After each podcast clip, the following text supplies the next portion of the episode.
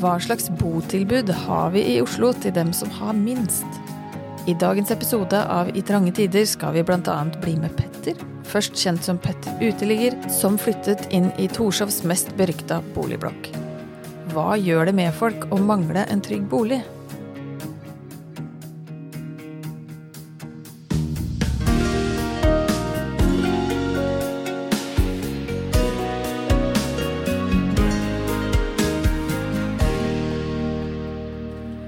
Velkommen til I trange tider. Det her er podkasten hvor vi tar den ærlige praten om hvordan økonomi påvirker livene våre. Jeg heter Guro Solin Eriksrud og er medgründer i Frid. Der jobber vi hver dag med å finne løsninger for at så mange som mulig skal få en trygg økonomi. Og jeg heter Mari Sedøy. Jeg er styreleder i Organisasjon for veien til finansiell frihet. Jeg jobber med film og er en rusavhengig som lever et nytt og bedre liv. Temaet for dagens episode er økonomi i bolig. Og i studio har vi med oss Petter Nyquist, som i dag er aktuell med TV-serien Der ingen vil bo. I tillegg så har vi med oss Ida Solien Kjeldal fra Frelsesarmeen. Og hvis noen skulle reagere på stemma eller navnet, så kan jeg røpe at hun også er søstera mi. Men det er ikke derfor du er med, Ida. Dette er ikke noe slektstreff. Du er her fordi du kjemper for at også de dårligst stilte skal ha et verdig sted å bo. Velkommen, Ida og Petter, og god morgen. God morgen. Tusen takk. Jeg tenkte jeg skulle begynne med deg, Petter. Eh, jeg har sett alle episodene av din nye serie. Jeg syns den er veldig bra, og den er viktig. Men hvorfor i all verden fant du ut at du ville flytte inn i en bogård, bygård som er kjent for sosial nød, bosted for rusavhengige og fæle voldsepisoder? Det er eh, rett og slett grunnet i alle møter jeg har hatt med folk jeg har blitt kjent eh, tidligere med i miljøet. Eh, derav spesielt Christer, som jeg ble kjent når jeg gjorde det prosjektet i 2014 hvor jeg bodde på gata. Han ble jeg jo godt kjent med. Jeg var mye i leiligheten hans, som var i en kommunal blokk et annet sted i Oslo, som han selv omtalte som en av Oslos verste. og han stilte seg da undrende til hva kommunen egentlig hadde tenkt eh, med å plassere, som han sa, plassere alle sammen på ett sted, inkludert meg sjøl. Ja. Eh, så det var det som gjorde meg nysgjerrig. Og etter mange år så har jeg jo vært i veldig mange kommunale boliger og, som er i belasta områder, da. Eh, jeg har ikke noe negativt om kommunal bolig i utgangspunktet, det er ikke det, men det er disse belasta områdene. Um, og etter hvert så hørte jeg jo om dette stedet på Torshov som ofte ble omtalt som 'der ingen vil bo'.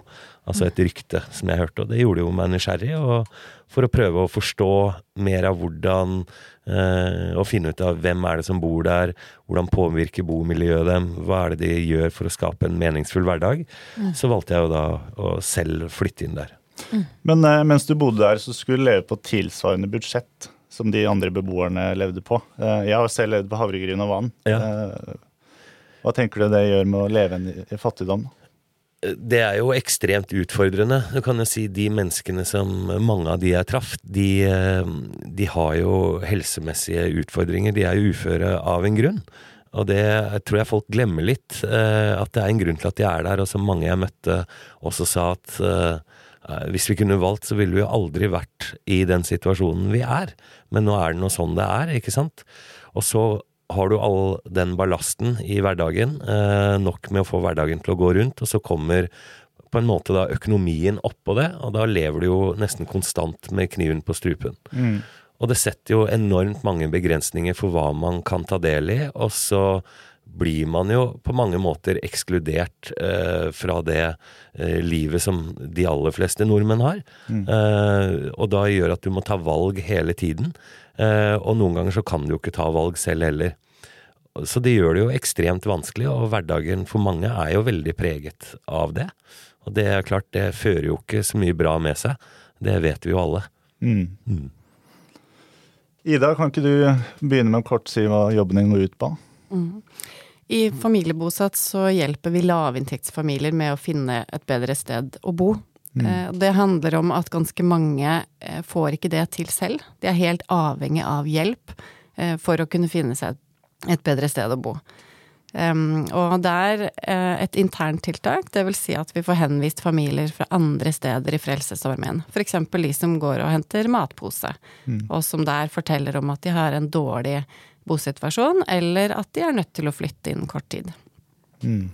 Kan ikke du si liksom, hva er en, et eksempel på hva er en dårlig bosituasjon for en barnefamilie? Hva er det du har sett? Det kan være mugg, f.eks. Eh, vi har hatt et tilfelle nå hvor et barn er full av utslett, og foreldrene må bære barnet ut på natta for å få puste.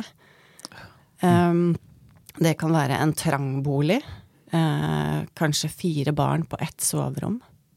Eh, og det kan være utrygge nabolag. Det er også like viktig som inne i boligen. Eh, og det handler jo om at bomiljøet er eh, skummelt, utrygt og ikke egna for barnefamilier.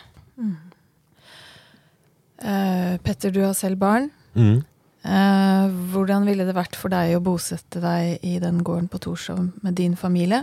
Og kanskje måtte bære barnet ditt ut om natta fordi Nei, det er jo ingen som ønsker å være i en sånn situasjon. Uh, det er jo helt klart. jeg har tenkt mange ganger når jeg var der, at jeg ville jo aldri hatt mine egne barn boende der.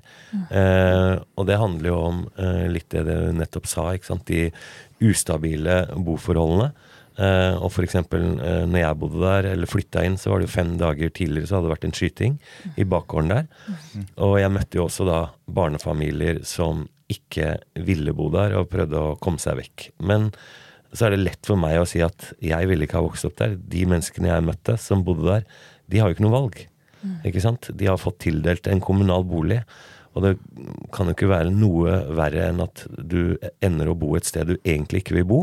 Eh, og så kan du ikke gjøre noe. Da må du søke, og så må du stelle deg i en kø. Og det er jo fort at du havner i et eller annet kanskje tilsvarende område, bare et annet sted. Mm. Og det har jo ikke noe effekt.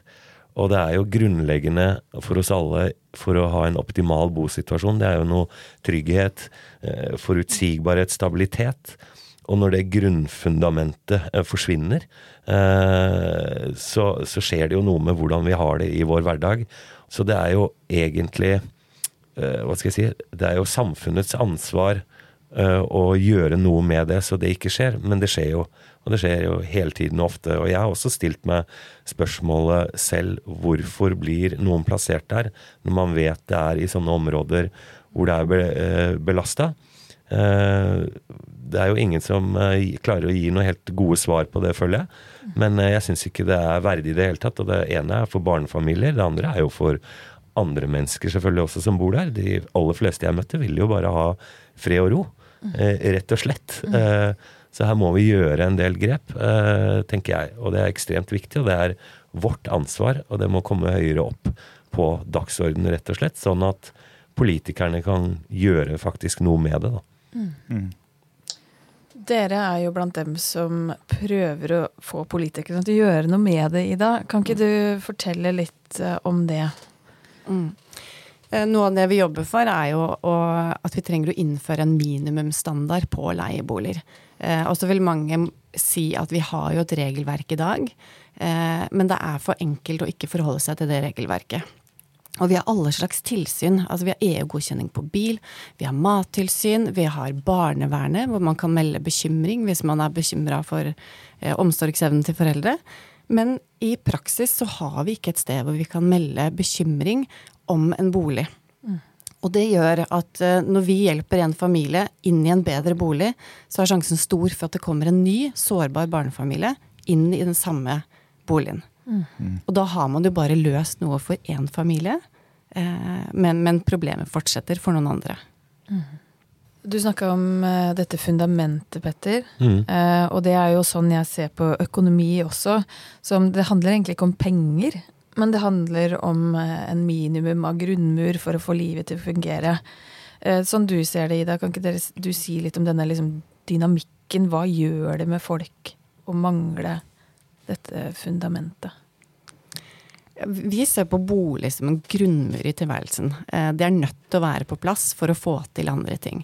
Eh, foreldre sier at de er dårligere foreldre. De er stressa eh, og følger opp barna på en mye dårligere måte når de sliter med bosituasjonen sin. Så, eh, så, det å ha en dårlig bolig, det er altoppslukende og går utover alle områder i livet, vil jeg si. Og så er det gjerne de samme folka som teller hver krone også. Eh, kan dere Ja, jeg sender den tilbake til deg først, Ida. Mm. Eh, si litt om den kapasiteten det tar, for det vet jeg du har snakket om. Ja, det å kunne stå i jobb i en sånn situasjon blir nærmest umulig. Man bruker all sin tid på å ja, snu hver krone, eh, og på å ordne disse praktiske tingene i, i livet. Som, eh, som ja, gjør at det å stå i jobb blir eh, nesten umulig, vil jeg si. Eh, mange foreldre som har dårlig råd, de skammer seg over situasjonen og føler at de ikke er gode nok foreldre. Eh, kan du si noen sammenheng mellom økonomi og omsorgsevne? Ja, altså det er jo ikke sånn at de som har dårlig råd, er, er, dårlige foreldre. Eh, jeg møter foreldre som gjør virkelig så godt de kan og strekker seg langt for barna sine. Mm. Men det er klart at økonomi også påvirker foreldreskapet. Eh, man har ikke muligheten til å dra på kino av og til. Eh, dra på Tusenfryd, gjøre sånne ting som er viktig for barn. Mm. Eh, vi møter jo barn som ikke drar i bursdag som gjemmer bursdagsinvitasjoner mm. eh, fordi at de vil skåne foreldre for den økonomiske utgiften å kjøpe en bursdagsgave. Mm. Vi møter også barn som ikke feirer sin egen bursdag.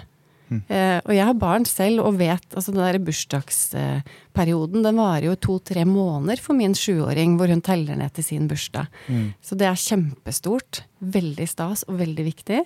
Mm. Eh, så det å ikke ha råd til å invitere venner på en bursdagsfeiring, det tenker jeg er eh, veldig sårt og, mm. og, vanskelig for barn. Og det handler både om økonomi, men også at boligen ikke er egna. Mm. At uh, man ikke har plass, eller at man uh, bor i så kummerlige forhold at man tenker her kan ikke vi invitere folk inn. Mm. Dette må ikke andre se. Jeg er onkel selv, så jeg vet jo hvor glad de er i bursdag. Apropos barna våre. Merker dine barn på noen måte, Petter, det du har erfart på Torshov og i de andre seriene dine og de menneskene du har møtt? Helt klart, eh, på mange måter. Eh, og det handler jo om hva jeg som pappa eller eh, kjæresten min Mari velger å, å, gi videre og lære barna våre videre. Og vi er jo veldig opptatt av det. Nå er kanskje vi litt tettere inn på det enn andre, for barna mine har veldig mange relasjoner til mennesker i utfordrende situasjoner. Så noe jeg tenker er sunt, og det å prøve å lære, det å forstå. Uh, og senest i går så hadde vi barnebursdag hjemme for Marius, sønnen min, som er uh, syv år. Uh, og da kom det jo noen gaver. Eh, og noe av det var penger, og da satte jeg meg ned med han etterpå, og så sa jeg ok, du har fått 400 kroner. jeg vet om Sagen i IF oppe i det området som jeg er, som jobber mye for å utjevne forskjeller. Har du lyst til å gi noen kroner til de som kanskje ikke får den muligheten, nå som du har det? Så satt han og tenkte litt, og sa han ja, jeg har lyst til å gi 50 kroner. Mm. Og det handler om å lære å forstå og det å se at han også er verdifull i, en forstand, og han kan gjøre en forskjell for noen. Uh, og det er ikke det at den 50-lappen, uh, eh, men det er, når det blir mange av de, så kan det gjøre mye for flere familier, da. Mm. Og så var vi jo litt innom og prata om før også om uh, For å nevne det, altså Egentlig så er jeg jo for det å ikke gi gaver i bursdag, uh, som har blitt innført nå hos eldstedatteren min på det kullet der. Som jeg håper også kommer i, uh, på Marius sitt kull. Det med at foreldrene har bestemt at vi skriver heller kort. dermed har alle muligheten til å komme i bursdagen, og så kan heller foreldrene kjøpe én gave, altså til den som har bursdag, kjøpe én gave liksom på vegne av de andre. Og da kan de selv velge hva de ønsker å bruke på det, og så ser man ikke de eh, forskjellene. Og det er jo nettopp det som jeg har sett tidligere òg, når de pakkene åpnes opp. Altså, spør fem minutter etterpå hvem du fikk hva, du husker jo ikke. Det er altfor mye, ikke sant? hvis det er 15 mm. unger eller hva det var i går, 16. Um, så uh, da tenker jeg de kortene men uh, det var veldig fint i går, for Marius satt og leste høyt alle kortene han fikk. Og det var veldig hyggelig, for det står fine ting. Marius, du er veldig morsom og gøy å være sammen med, og alltid flink til å uh, leke, eller hva det måtte være. Det er jo mye hyggeligere. og det å det er jo klart at Hvis vi voksne lærer de at de skal få gaver, gaver, gaver, gaver, som noe vi ofte gjør, så er det jo klart det er jo det de forventer. Det finnes ikke noe verre enn akkurat den overgangen fra du i mange år så har du fått gaver, og så plutselig får du bare kort. Mm. Men hvis man klarer å prente inn det fra starten av, mm. så ser man en glede i det som egentlig man burde se en mye større glede i. Men uh, ja, det er vi som foreldre som må gjøre en, uh, en forskjell. Jeg vet ikke hva du tenker, Ida? Mm. Jo, jeg kjenner den der. Vi har I klassen til min eh, datter så har vi sånn klassegave nå på tredje året. Og det fungerer kjempebra. Mm. Det er min erfaring. Eh, og det sparer jo foreldre for mange stressa turer på Storosenteret, hvor man ender opp med å kanskje bruke litt for mye penger. Eh, og at man kjøper liksom lite gjennomtenkte gaver, da. Og vi har også god erfaring med de kortene. At det er veldig fint. Da lærer man jo også barna noe om de der nære verdiene. At det er fint å si litt til hverandre eh, si noen gode ting om en klassevenn. Mm. Så det er en eh, bra ting, syns jeg. Mm. mm. Tror vi bare sender den rett ut til alle som hører på. Ja. Ja, ja. Ta en diskusjon i klassen. Trenger vi virkelig gaver? Og i disse klimakrisetider også. Skal vi ikke bare slutte med det? Mm. Overflod. Ja. Mm. ja. Det er nydelig. Og så syns jeg det du sa så fint også, Petter, at én ting er den femtilappen. Men hvis det blir mange av dem, så blir det mye. Pluss at vi trener opp den kommende generasjonen til en, en bevissthet. Og det er det mange voksne som trenger å trene på. Mm. Eh, rundt at ikke alle eh, har eh, det samme som andre.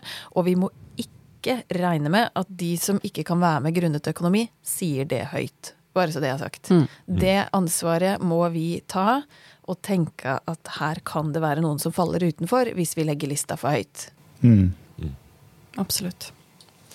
Men jeg har et spørsmål til deg, Petter. Mm. Eh, nå er det sånn at politikerne vil sende rusavhengige ut i egen bolig istedenfor å la de bli rusfrie på institusjon. Eh, mm. Hva tenker du om det? Når vi ikke har trygge nok boliger?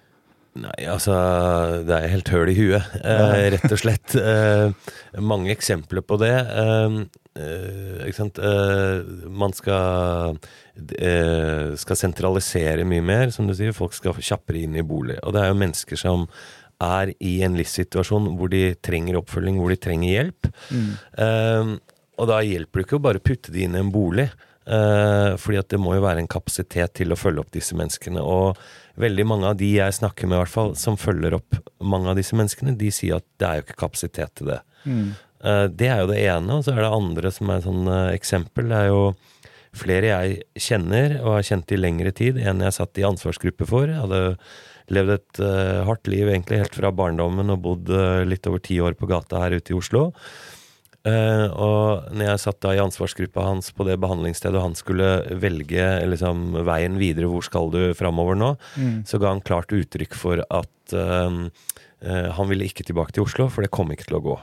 Eh, men han tilhørte bydel Sagene, og hvor var det han endte opp å få bolig? I eh, nabogården til der hvor jeg var på Torshov nå. Det er, var i 2018. Mm. Eh, og da var jeg med på den overtagelsen sammen med han, for å trygge han. Men ikke sant, med som sikkert du har erfaring på. Jeg tar meg nøyaktig et par sekunder og titter inn der og ser liksom, på vinduer og litt sånn, så skjønner du liksom hva slags nabolag det er. Mm. Og da tenker jeg at hva er oddsen for at det skal gå bra, når det er andre som ruser seg der, og han skal prøve det? Og Så kommer jo det eh, samfunnsøkonomiske i det. Her har vi brukt da mange millioner kroner på å liksom rehabilitere vedkommende. Og så sender vi tilbake en person i et område som er belasta, og starter egentlig med å sette tre kjepper i hjula på karen. Eh, jeg har prøvd å sette meg inn i den samme situasjonen selv, og tenkt at jeg tror ikke jeg hadde takla det jeg i det hele tatt, jeg heller. Mm. Det ene er det økonomiske perspektivet. Det andre er jo hva gjør det med han? Med hans selvbilde. Nok en gang så klarer ikke han å holde seg rusfri som alle andre forventer. Og det bare ødelegger og bryter ned selvbildet gang på gang, da. Mm. Uh, så der mener jeg man faktisk, selv om jeg ikke er noe fan av det, men må gjøre noen forskjeller, da. Og jeg har, sett eksempler på en jente som jeg har hatt mye med å gjøre òg. Hun hun eh, hadde jeg et møte med kommunen med og sa at uh, hun trenger en ny bolig, hvor de sa at ja, men vi har gitt hun tilbud. Og den gangen så, de, så spurte jeg hvor er det? Nei, i Meta, eller et eller annet sted oppe på Skedsmo. Og så mener du metadonlia, og da skjønner du liksom hva slags sted det er. Hva, hva er det man gjør da? Du bare forskyver problemet, ikke sant. Og etter hvert så fikk hun da bolig i en såkalt vanlig boligblokk, med, det høres stygt ut å si, men jeg tror du skjønner hva jeg mener, med vanlige mennesker, så fikk hun noen regler hun måtte forholde seg til, som var så enkelt at du må følge de samme reglene som alle andre i det nabolaget.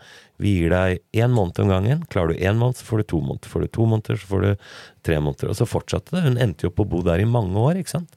Og det gikk jo mye bedre med hun da òg. Mm. Så der tenker jeg vi kan bli mye flinkere. Men så er det viktig å ha i bakhodet også at noen av disse menneskene, eh, sånn som tittelen på den serien? 'Der ingen vil bo', det er en sannhet med modifikasjoner. Det var et rykte. Noen vil ikke bo der for enhver pris, ikke sant? Og hate stedet, som en nå nylig som jeg kjenner, som sier at 'jeg vil heller bo på gata enn å bo der'. Eh, mens andre, de trives jo der. Eh, fordi at der de, er de sammen med likesinnede. Eh, de har sine, sitt nettverk og sine sosiale treffpunkter. Mm, mm.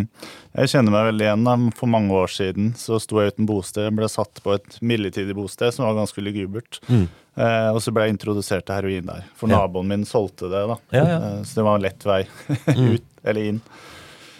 Ja. Men klarte du å motstå da? Heroin, og så det. Ja, jeg kjenner jo ikke til din bakgrunn. nei, nei, nei, da begynte jeg med det. Ja, så, det ja, ikke så det var min vei inn i tungere rus. Da da. har du jo et eksempel da, hvor sant? utfordrende det er. Mm. Og det ser vi, det kommer jo godt fram i serien også, ikke sant, at uh, denne formen for utenforskap, økonomisk utenforskap, går i generasjoner. Og, og vi har jo søsken, et søskenforhold der, blant annet.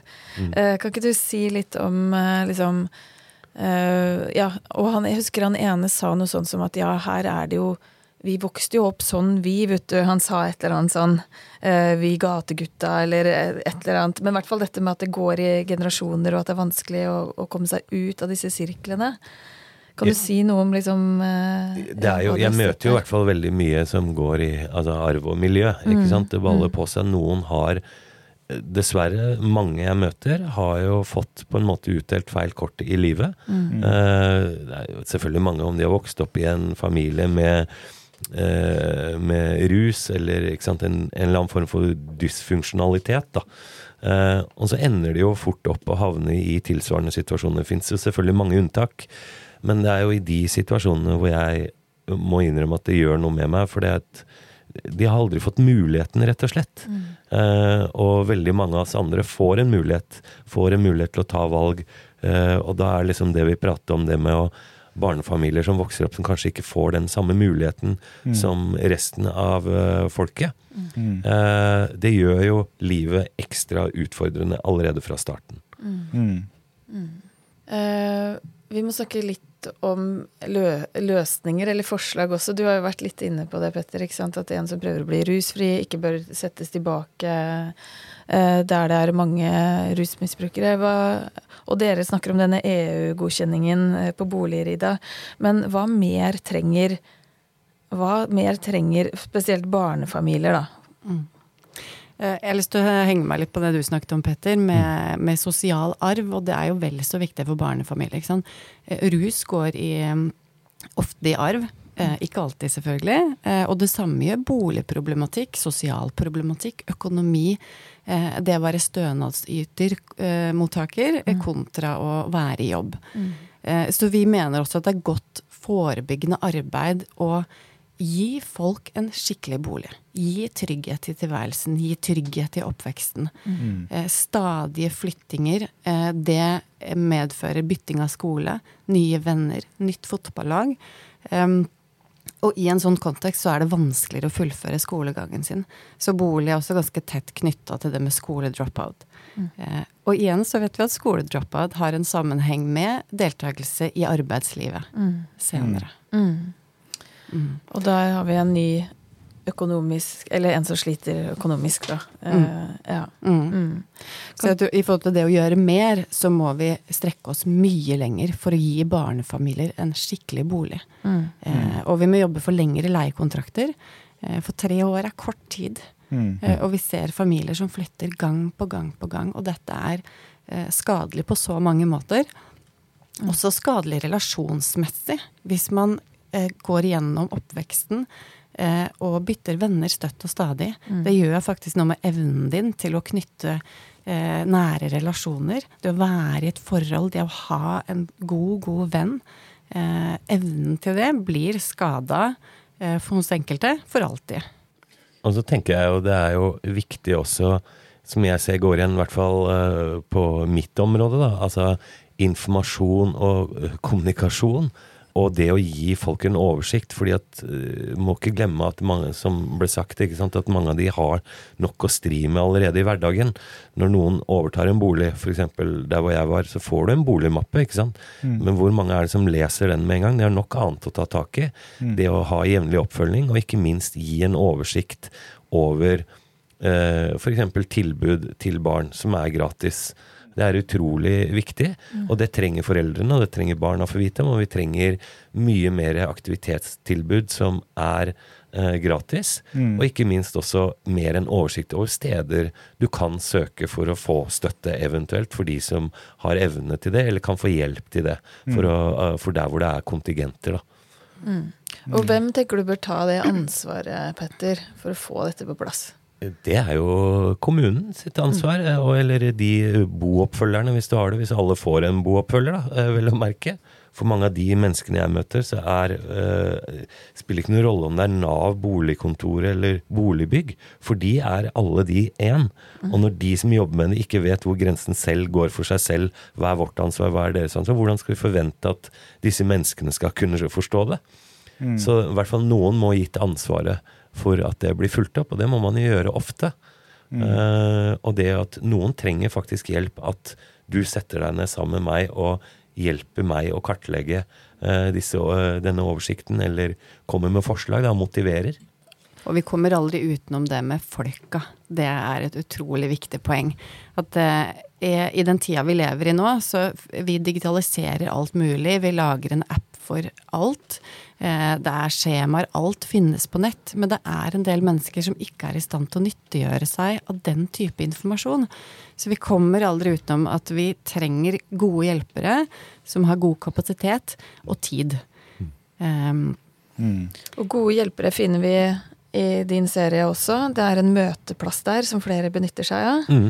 Eh, Det er jo ikke et offentlig tilbud, så vidt jeg kunne tolke det. Jo, det det. er kommunalt. Det var kommunalt, ja. Lavterskeltilbud, ja. Ja, Det er ja. det. Men, og, og ikke noe vondt om det. Altså det, det er åpent to ganger i uka, men i mine øyne det er bare to ganger i uka. Ja. Eh, fire timer om gangen. Der kan du få gratis mat. Eh, der kan du få hjelp til å betale regninger. Eh, det blir et sånn bindeledd mellom Nav. For meg ble det et eksempel på at kanskje Nav ikke fungerer optimalt, mm. vel å merke. Men der har de sine personlige kontakter, og de som man har bygget en relasjon til. ikke sant? Selv om ikke de som jobber der har noen myndighet til å ta de avgjørelsene som Nav gjør, etc. Og så er det et sosialt treffpunkt. Eh, og det igjen, det går jo på at mange av de som eventuelt er uføre, de har jo ikke noe sted å gjøre av seg. Det er veldig mange enslige, bor i disse boligene alene. Og ensomhet vet jo alle hva fører med seg, uavhengig av hva slags bakgrunn du har. Så eh, man kan si, selv om jeg tenker at jeg syns, vel, eller syns disse, mange av de menneskene som lever med de utfordringene, kunne fint ha fått noen flere tusenlapper i måneden på kontoen. Det gjelder alle. Eh, ehm, men da begynner vi å snakke mange milliarder, og det skjer ikke over natta uansett. Men det som går an å få til, er jo å styrke f.eks. sånn som det treffstedet. Det koster ikke veldig mange millioner, så kan du ha bemanna det hver eneste dag. Og de gevinstene på det er ganske store, mener jeg, i det lange og hele. Problemet er at man ikke kan måle det. Altså, hvordan skal man måle relasjonsbygging? Men det er som du nevnte, ikke sant. Hvis man har tid, og da må man ha tid, så bygger man relasjoner, bygger man tillit. Og så har man også, misforstå meg en større påvirkningskraft i positiv retning for mange av de menneskene som kanskje ikke klarer å ta valgene selv, hvor noen du stoler på kan si at men har du tenkt på det, kanskje du skal prøve det? Så ja, det kan jeg tenke på. Fordi det er deg, fordi det er en du stoler på, så er det kanskje det som gjør at noen velger å ta det grepet. Men hadde det vært en i Nav som de ikke har noe personlig forhold til, så er det lett å bare si nei, det gidder jeg ikke, eller det, ja, det får jeg ikke til. Og det er jo et eksempel i serien også på en som har fått et brev om utkastelse. Har Ja, ja. ikke klart å betale regningene sine. Nei. Og da blir man kasta ut eh, Ja. av boligen. Og da Og mange av de eh, som ble nevnt, ikke sant, de, de, eh, hvor mange bruker digipost, hvor mange bruker kodebrikke? kodebrikke, eh, hvor mange har alle eh, passet sitt eller eh, identifikasjon, ikke sant. Så det er mennesker som trenger hjelp, rett og slett. Mm. Og det er flaut at vi, syns jeg, at vi ikke klarer å gjøre mer for disse menneskene. Eh, dette blei naturlig nok en episode med mye tungt og trist, Petter og Ida. Eh, jeg vet at dere også møter eh, både humor og håp. Kan dere ikke dele noe vi kan varme oss litt på? Ja, det er jo mye elendighet. Eh, triste skjebner. Mm. og mange som er fastlåst i en ele- elendig situasjon. Eh, men ja, det er positive ting også. Eh, det, vi er heldige som får lov til å kjenne på den godfølelsen når eh, familiene endelig får seg en bolig. Eh, og noen ytterst, ytterst få eh, klarer å kjøpe bolig. Eh, og det er de gangene det gjerne kommer noen tårer eh, på jobb. Eh, og særlig så tenker jeg på en mamma som eh, Frelsesarmeen har fulgt i ti-tolv 10-12 år. Eh, En kollega av meg først, og så meg. Og hun har drømt om å kjøpe bolig lenge. Og hun har jobba beinhardt, stein på stein. Eh, fått seg utdannelse. Eh, fått seg først vikariat, så et vikariat til, så fast jobb. Så startlån. Så fikk jeg nyss i at hun eh, hadde fått kjøpt bolig. Kollegaen min sier nå må du ringe henne. Mm. Så var jeg så spent. Ble det to soverom, eller ble det tre? Hun drømte om tre, for da ville barna få ett soverom hver. Eh, og så klarte hun å kjøpe med tre soverom. Og jeg kjenner nå, jeg har fortalt en historie så mange ganger, jeg får gåsehud fordi det er så fantastisk. Det handler om da kan de slå rot eh, og være trygge. De kan bo der hele oppveksten til barna. Eh, barna får privatliv, et sted de kan ha med vennehjem. Sitt eget rom. Så det er eh, det, det var en ordentlig bra dag på jobben. Så det er en god historie. Du er heldig som får lov til å jobbe og være med og bidra og skape sånne eh, endringer da, som får mennesker til å vokse. Ja. Jeg er heldig. Jeg har en fin jobb. Ja. Jeg ble veldig rørt. Jeg blir jo veldig rørt av det der. Eh, Petter, eh, det var, er, er det noen lyspunkter eller noe Ja, det er klart. Det er jo masse av det hele tiden. Eh, eh, altså det, det som jeg syns var så fint å se eh, der oppe, det var jo alle de menneskene som hjalp hverandre og bryr seg om hverandre. Eh, jeg liker ofte å trekke fram Bjørn, som, eh, som ofte bruker tiden sin på å dra ned på evangeliesenteret, Frelsesarmeen, andre steder, plukker opp mat, så fyller han opp sitt eget kjøleskap hjemme, og så ringer han rundt til de andre som bor der, eh, og så deler han ut mat videre til de, enten om det er de som ikke klarer å komme seg ut selv, eller de som ikke tør å stå offentlig i en matkø. Og det var sånn, det var vel to uker siden jeg var der, så er det en som heter Nico, han er også med i serien. Da kom han bare bort til meg, eh, for da var jeg utafor treffstedet. Eh, Og så sier han her har du to bæreposer med mat, jeg er litt opptatt om å ta en annen dame borti den andre blokka, så går du opp og leverer opp til hun. Ja. Så det sier noe, de har en enorm omsorg for hverandre. Det er bare synd at det er i den settingen, da. ikke sant? De igjen grunnleggende elementære tingene som mat, at man måtte være avhengig av det. Men de er flinke til å ta vare på hverandre, og jeg er imponert over det livsmotet som mange av de har, på tross av den situasjonen de er i. De er jo overlevere som klarer å få til det som veldig mange av oss andre tror jeg hadde gitt opp for lenge sida. Og det beundrer jeg veldig mange av de for. Men det vi, vi har et ansvar, og det at vi kan gjøre enda mer for å gjøre og skape en bedre hverdag og en økt livskvalitet for mange av disse menneskene. Det var en eh, nydelig avslutning, og, og Ida har jo vist, eller fortalt tydelig hvor eh, bra det kan gå da, eh, med noen hvis de får støtte over tid. Så tusen millioner takk, eh, begge to. Det her var en viktig prat, syns jeg. Marius. Helt enig. Ja. Tusen takk. Ja. Jeg håper dere som hørte på, ble litt eh, klokere, at dere likte episoden. Eh, del videre, for dette er viktig at flere får høre om. Og så eh, legg igjen kommentarer, og vi håper vi høres neste lørdag.